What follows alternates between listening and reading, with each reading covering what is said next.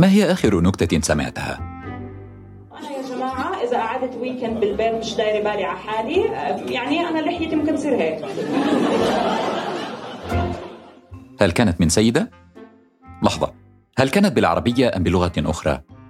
لأننا أحيانا نتقبل بعض النكات بشرط أن تكون بلغة أخرى الكلمة اللي أنا بحكيها أتقل العربي أتقل أصلا يعني إحنا مش متعودين نسمع بعض الملافظ بالعربي هل العرب غير مضحكين؟ لا أدري لماذا أحيانا أجد هذا التساؤل على مواقع طرح الأسئلة على الإنترنت. فن الكوميديا قديم جدا في المنطقة العربية ويعتبر مدرسة في حد ذاتها. هل لأن الصورة النمطية التي تصدر عن العرب غالبا ما تدور حول النزاعات؟ أول ما الناس تسمع لهجتي هلا هاي الزنخة بدها تضحكنا عشاني أنا أردنية عرفتي؟ ف في هذا النفور من الجنسيات اعتمادا على إنه هدول بضحكوا هدول بضحكوش وإنه مثلا رح نفهم ومش حنفهم وهيك. فكان في صعوبة وغير إني كمان مرة. وهل من غير المعتاد أكثر أن يسمع الناس نكاتا ومواقف كوميدية من سيدة عربية؟ أدعوك الآن لمعرفة الإجابة معي. جرب أن تبحث على الإنترنت عن نساء يحترفن الكوميديا. مم. قائمة طويلة وثرية. الآن جرب أن تبحث عن نساء عربيات يحترفن الكوميديا. مم. اختفت القائمة. النتائج أصبحت عن العرب في العموم والكوميديا، وليس عن النساء العربيات بالأخص. البنات ما بتضحكش، إحنا البنات ما بتضحكش، إحنا بنضحك بس. هذه إيمان خلوف، فنانة كوميدية ومؤدية stand-up comedy في المنطقة العربية. ال stand-up comedy هو نوع من الكوميديا يؤدي فيه الفنان وصلات من المواقف والتعليقات الكوميدية والساخرة أمام الجمهور مباشرة. هلا 41 عمري. هاي الناس بتبلش أصغر. كمان أنا مثلا أردنية. في عنا عنصرية بين الجنسيات. فأنا آه، الجنس الغلط والعمر الغلط والجنسية الغلط لأني أمارس الكوميديا. في هذه الحلقة سنكتشف عالم ال stand-up comedy في المنطقة العربية عن طريق قصة إيمان. سيأخذنا الحوار معها إلى مواقف وقصص طريفة من جانب ونقاش جدي عن تحديات وصعوبة كونها سيدة عربية تحترف الكوميديا. هذه حلقة جديدة من بودكاست فصول. أنا أحمد خير الدين ودعاء فريد أعدت هذه الحلقة. مع النروي فصول الحكاية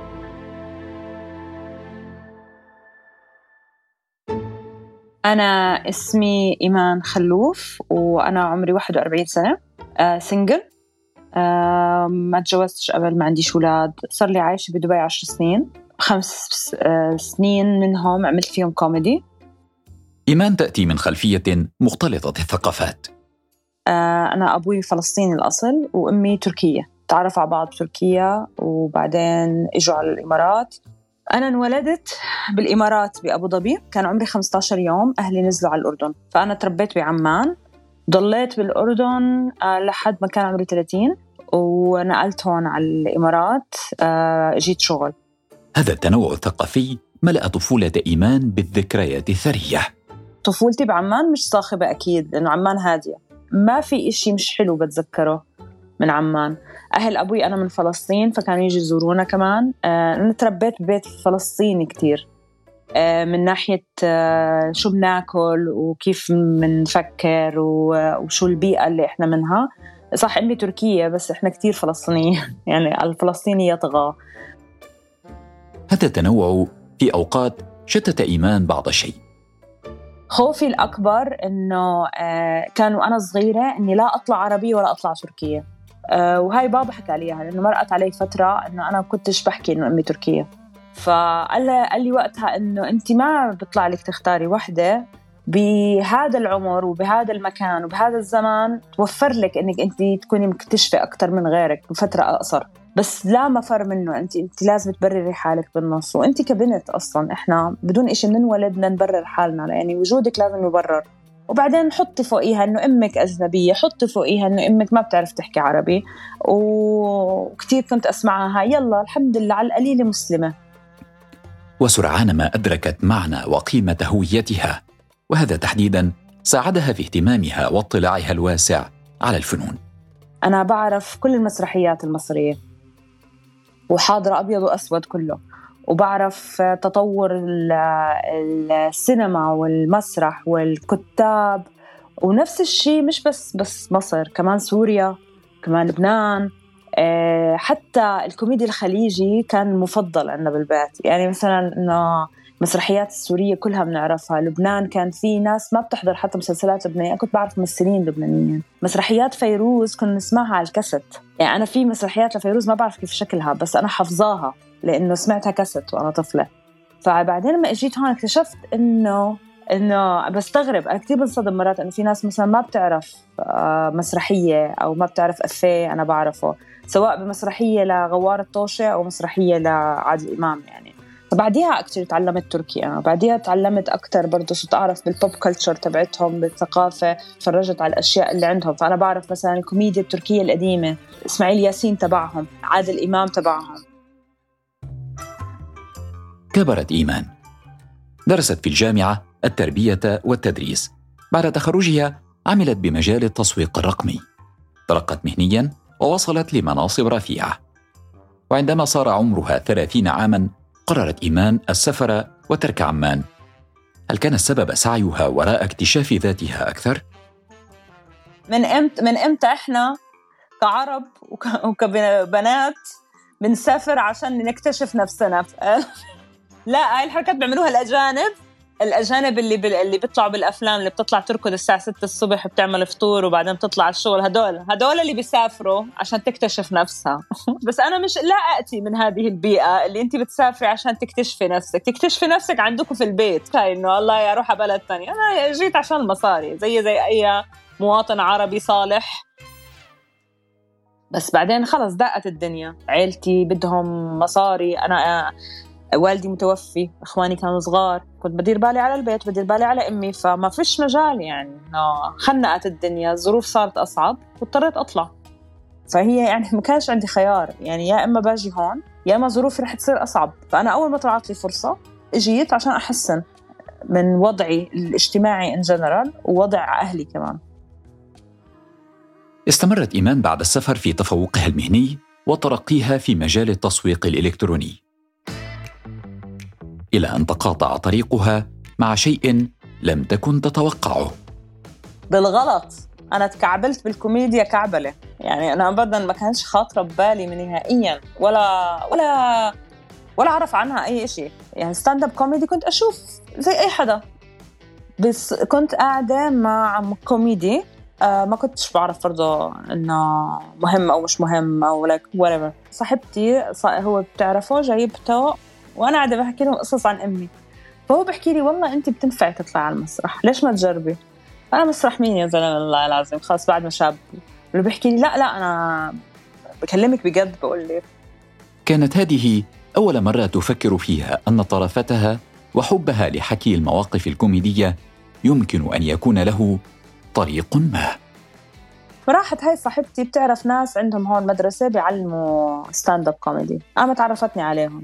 أنا بس هو بتدرس هاد يعني إنه كيف بتدرسوا العالم؟ إنه يصيروا بيضحكوا يعني؟ إنه هيك أنا ردة الفعل الطبيعية لإلي يعني. إنه كل شيء المهم رحت آه، أول سنة ما ما نكشتش الموضوع. بعد سنة ونص نكشلي أه هو حكى معي مرتين صاحب المدرسة بعت لي قال لي إنه إحنا في عندنا كورس فأنا وقتها كنت زهقانة.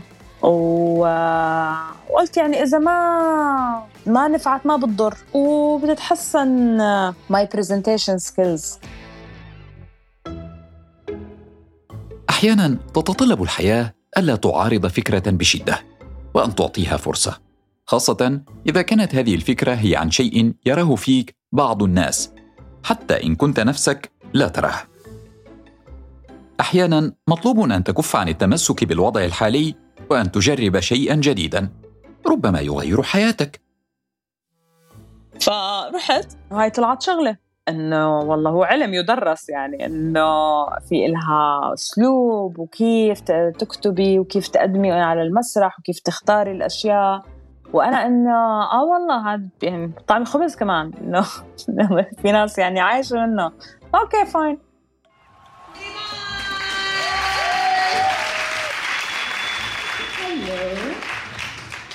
My name is Iman and I'm Jordanian.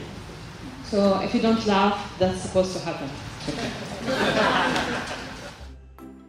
فأنا عم بسمع صوتي عم بحس قديش البراءة كانت في هذيك الأيام إنه هي علي حياتي وأحلاكي أنت على المسرح أول مرة I'm 37 and I'm single, which means I have a cat. فعملنا ال show كان graduation show خلص روحنا وخلص إنه كل واحد راح بحاله. وأنا خلص نسيت الموضوع. بعد كم من شهر بيحكوا معي الشباب قال تعالي إيمان عم نعمل open mic انت تعالي إنه جربي وهيك. أنا لا يا زلمة. بحكي لا تعالي تعالي جربي. رحت. أول مرة ما رحتش ثاني مرة رحت بعدين ثالث مرة رحت بعدين عجبتني الشغلة ضليت فيها. طلعت مع واحد لبناني حكى معي بال French. بلوك داخلك على ال open مع نفسك.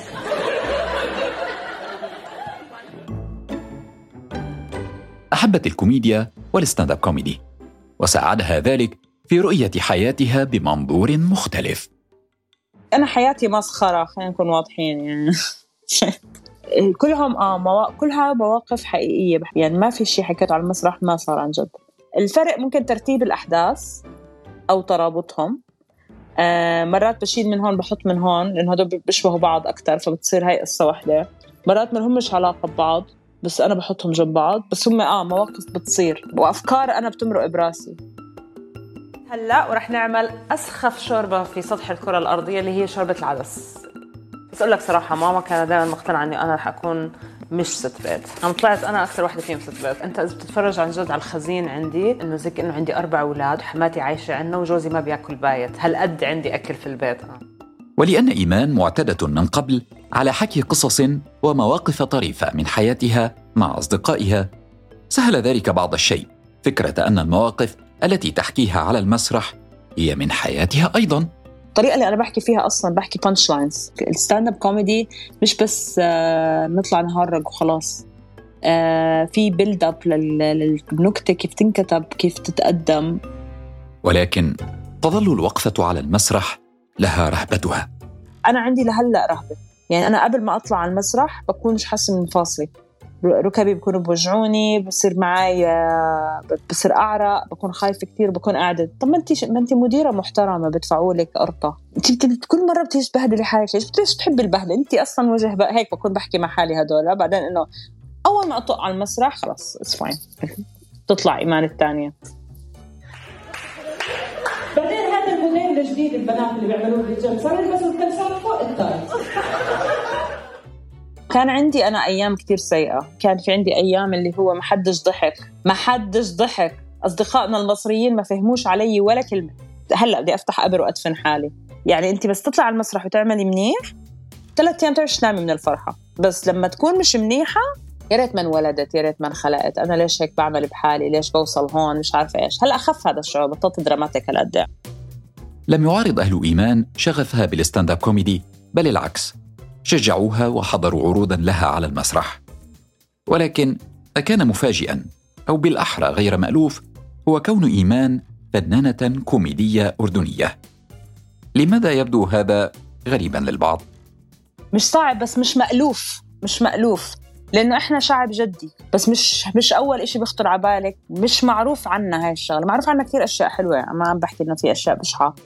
بس مثلا الكشرة الجدية نفس الوقت اللي هي الكوميديا ال dark شوي. يعني صح في هذا الطبع كمان اللي هو النكد شوي إنه إحنا صعب ان ننبسط. وأنا في أشياء الناس ما بتعرفها بس في كوميدي قديم لسه بالأردن من أيام زي غوار الطوشة في عنا our own في ناس بتعرفهم هدول. هدول يعني الكوميديا القديمة اللي أنا I really appreciated من هدول الممثلات القدام الأردنيات اللي كانوا يعملوا كوميدي الممثلين القديمين اللي كانوا بيعملوا كوميدي. تشاع أحيانا هذه الصورة النمطيه بأن الأردنيين شعب لا يضحك. هذا بالتأكيد تعميم خاطئ لأن مثل ما قالت إيمان ربما لن يخطر الأردنيون ببالك أول شيء عند ذكر الفن الكوميدي في العالم العربي. لكن هناك الكثير من الفنانين الكوميديين في الأردن. يعني في ناس إذا بتقولي لهم إني أنا بعمل كوميدي مستحيل يصدقوكي مستحيل يجي على شو أصلا لانهم مش يعني هاي بتضحكش هاي مستحيل بتضحك هذا الوجه بضحكش. أول ما الناس تسمع لهجتي هلأ هاي الزنخه بدها تضحكنا عشاني أنا أردنية عرفتي؟ ف في هذا النفور من الجنسيات اعتمادا على إنه هدول بضحكوا هدول بضحكوش وإنه مثلا رح نفهم ومش حنفهم وهيك. فكان في صعوبة وغير إني كمان مرة. هذا محور مهم في قصة إيمان ومسيرتها المهنية. كونها امرأة. قد تظن أنه غير حقيقي وأن بإمكان أي امرأة في العصر الذي نعيشه أن تكون ما تريده. نعم هذا حقيقي. لكن عواقب هذا القرار ليست سهلة. آه، نفس الشيء بالكوميدي. طبعا رح يضايقوني الشباب وطبعا رح يكون في آه، عنصرية ضدي. طبعا أي كلمة أنا بحكيها رح يكون آه، غير عن أنا شاب يحكيها. أنا لازم أحافظ على تون معينة وهدول الأشياء. بس رح أعملهم لأني أنا بدي أوصل. لكن في الوقت ذاته ما تفعله إيمان أثر في نساء أخريات؟ فهي دائما التوقعات مختلفة. يعني أنا أول ما طلعت على المسرح في كتير بنات كانوا يجوني بعد بعد الشو يحكوا لي إنه مثلا قديش هم آه، حسوا بالقوة لإني أنا واقفة على المسرح. أو حسوا إنه والله إنهم ريبريزنتد أو إني أنا بحكي أشياء كان نفسهم يسمعوها. الرجال استغربوا أكثر بس بالبداية بالنسبة لي كان صعب إني أنا كنت بدي أرضي الجميع وبنفس الوقت خايفة على سمعتي وخايفة على سمعة أهلي وكيف الناس رح توصلهم الفكرة. هذه اعتبارات تفكر بها وتفكر بغيرها. كل هذه الأفكار عبء زائد لا يفكر به أصلا ممارسو الكوميديا من الرجال. أنا إذا بطلع على المسرح كمية التفكير بالاشياء اللي بدي ألبسها عشان لما أطلع على المسرح عشان إذا حدا صور فيديو عشان ما يكونش مبين في إشي غلط في كتير أشياء بختار المكان. وفي أشياء بحكيها هون بحكيها ببلاد تانية بطريقة مختلفة. مش بس لإنه خوفا في عندك كمان احترام. يعني أنت كمان لازم تحترم الجمهور تبعك. مش لازم تحسسيه إنه هم آه، من مكان تاني أو بس أنت بدك تفهم المكان وتقرا الغرفة. أنا ما غيرت من أخلاقي ولا غيرت من معتقداتي لما أنا اختصرت وما حكيت كلمة. لاختيار المكان المناسب للناس المناسبين هو أهم شيء. أنا من الناس اللي صح بحارب عشان حقي وبحارب عشان فكرة عندي إياها بس بختار أي معركة لازم أخوض وإمتى. فأنا ماشي ما بدكم يعني أحكيها رح أحكيها بطريقة تانية. كل ما ضيقت علي كل ما صرت كرياتيف أكثر بس رح أحكيها بالآخر.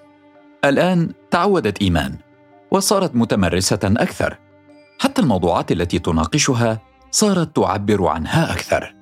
السنة يمكن أول مرة بقولها أول مرة بسمعها بصوت عالي إني أنا بحكيها لحالي إنه أنا I believe in myself. أنا مآمنة بحالي وأنا actually بحب نكتي وبضحك على نكتي. هلأ عم بحكي عن عمري كتير أنا. لأنه صار في عندي صرت بالأربعين. آه ففي هدول الأسئلة الغريبة اللي إنه والشفقة اللي بتصير مع الإيجينج للستات وال وإني أنت ما أنت مش شجرة مثمرة عرفتي؟ أنت يعني يا لهوي. وأنا ما كنتش بعرف إني شجرة بس okay ماشي. كوني واحدة مش متجوزة كمان آه، بهذا العمر. بيعطي للناس زي كأنه أحقية إنهم يحكوا معك بالطريقة اللي هم بدهم إياها. إنه أنا لو بتحطي مواصفاتي على شاب بطلع إني عريس لقطة. بس لأني بس مجرد لأني بنت بطلع عانس ولكن إيمان ترفض أن تغير قناعاتها لتنال إعجاب الآخرين. هذا الحكي قبل 20 سنة كان ممكن. لما كان عمري 20 سنة كان ينحكى لي هذا الحكي. ما تحكي كتير إيمان. ما تورجيهم إنك بتعرفي كتير إيمان. ما تحكي إنك أنت ممل... عندك بتاخذي هالقد راتب إيمان. ما تقولي إنك أنت مديرة كبيرة بشركة يا إيمان. وأنت عمرك لساتك 25 سنة. لازم تكوني أهدى. لازم صوتك أوطى. لا, لا أنا صوتي لازم يكون زي ما صوتي لازم يكون. لا عالي ولا واطي. أنا حرة. طموح إيمان لن يتوقف فقط عند تقبل المجتمعات العربية للنساء ال stand-up comedians هي تسعى لأن تكون فنانة عالمية تعرض بمسرح كبير يشاهدها فيه آلاف البشر. ولهذا السبب تستعد للسفر إلى ألمانيا ومتابعة حلمها هناك. حابة أتفرغ للكوميدي. أساعد التانيين إنهم يطلعوا على المسرح. أساعد إنه نعمل content كتير أحسن محتوى بالعربي. آه، بنات أكثر يطلعوا على المسرح يتشجعوا ويعملوا أكثر على المسرح. وإنه وأعمل talent آه، management أساعد غيري آه، يوصل. هلأ النقلة تبعتي جزء منها عشان أحاول أعمل هذا الشيء للأسف ما قدرت أعمله هون. يمكن هناك أتعلم أشياء جديدة وأرجع أعملها هون. فهي واحدة من المحاولات إني أنا أقدر آه، أجرب أعمل إشي يساعدني بالاتجاه اللي أنا بدي أروح عليه واللي هو التفرغ للكوميدي. كانت هذه فصول حكاية فنانة عربية كوميدية. هذه تحياتي أنا أحمد خير الدين ودعاء فريد في الإعداد. مع نروي فصول الحكاية. استمعوا لبودكاست فصول على تطبيقات البودكاست أبل وجوجل وسبوتيفاي وساوند كلاود وعلى الحرة dot com.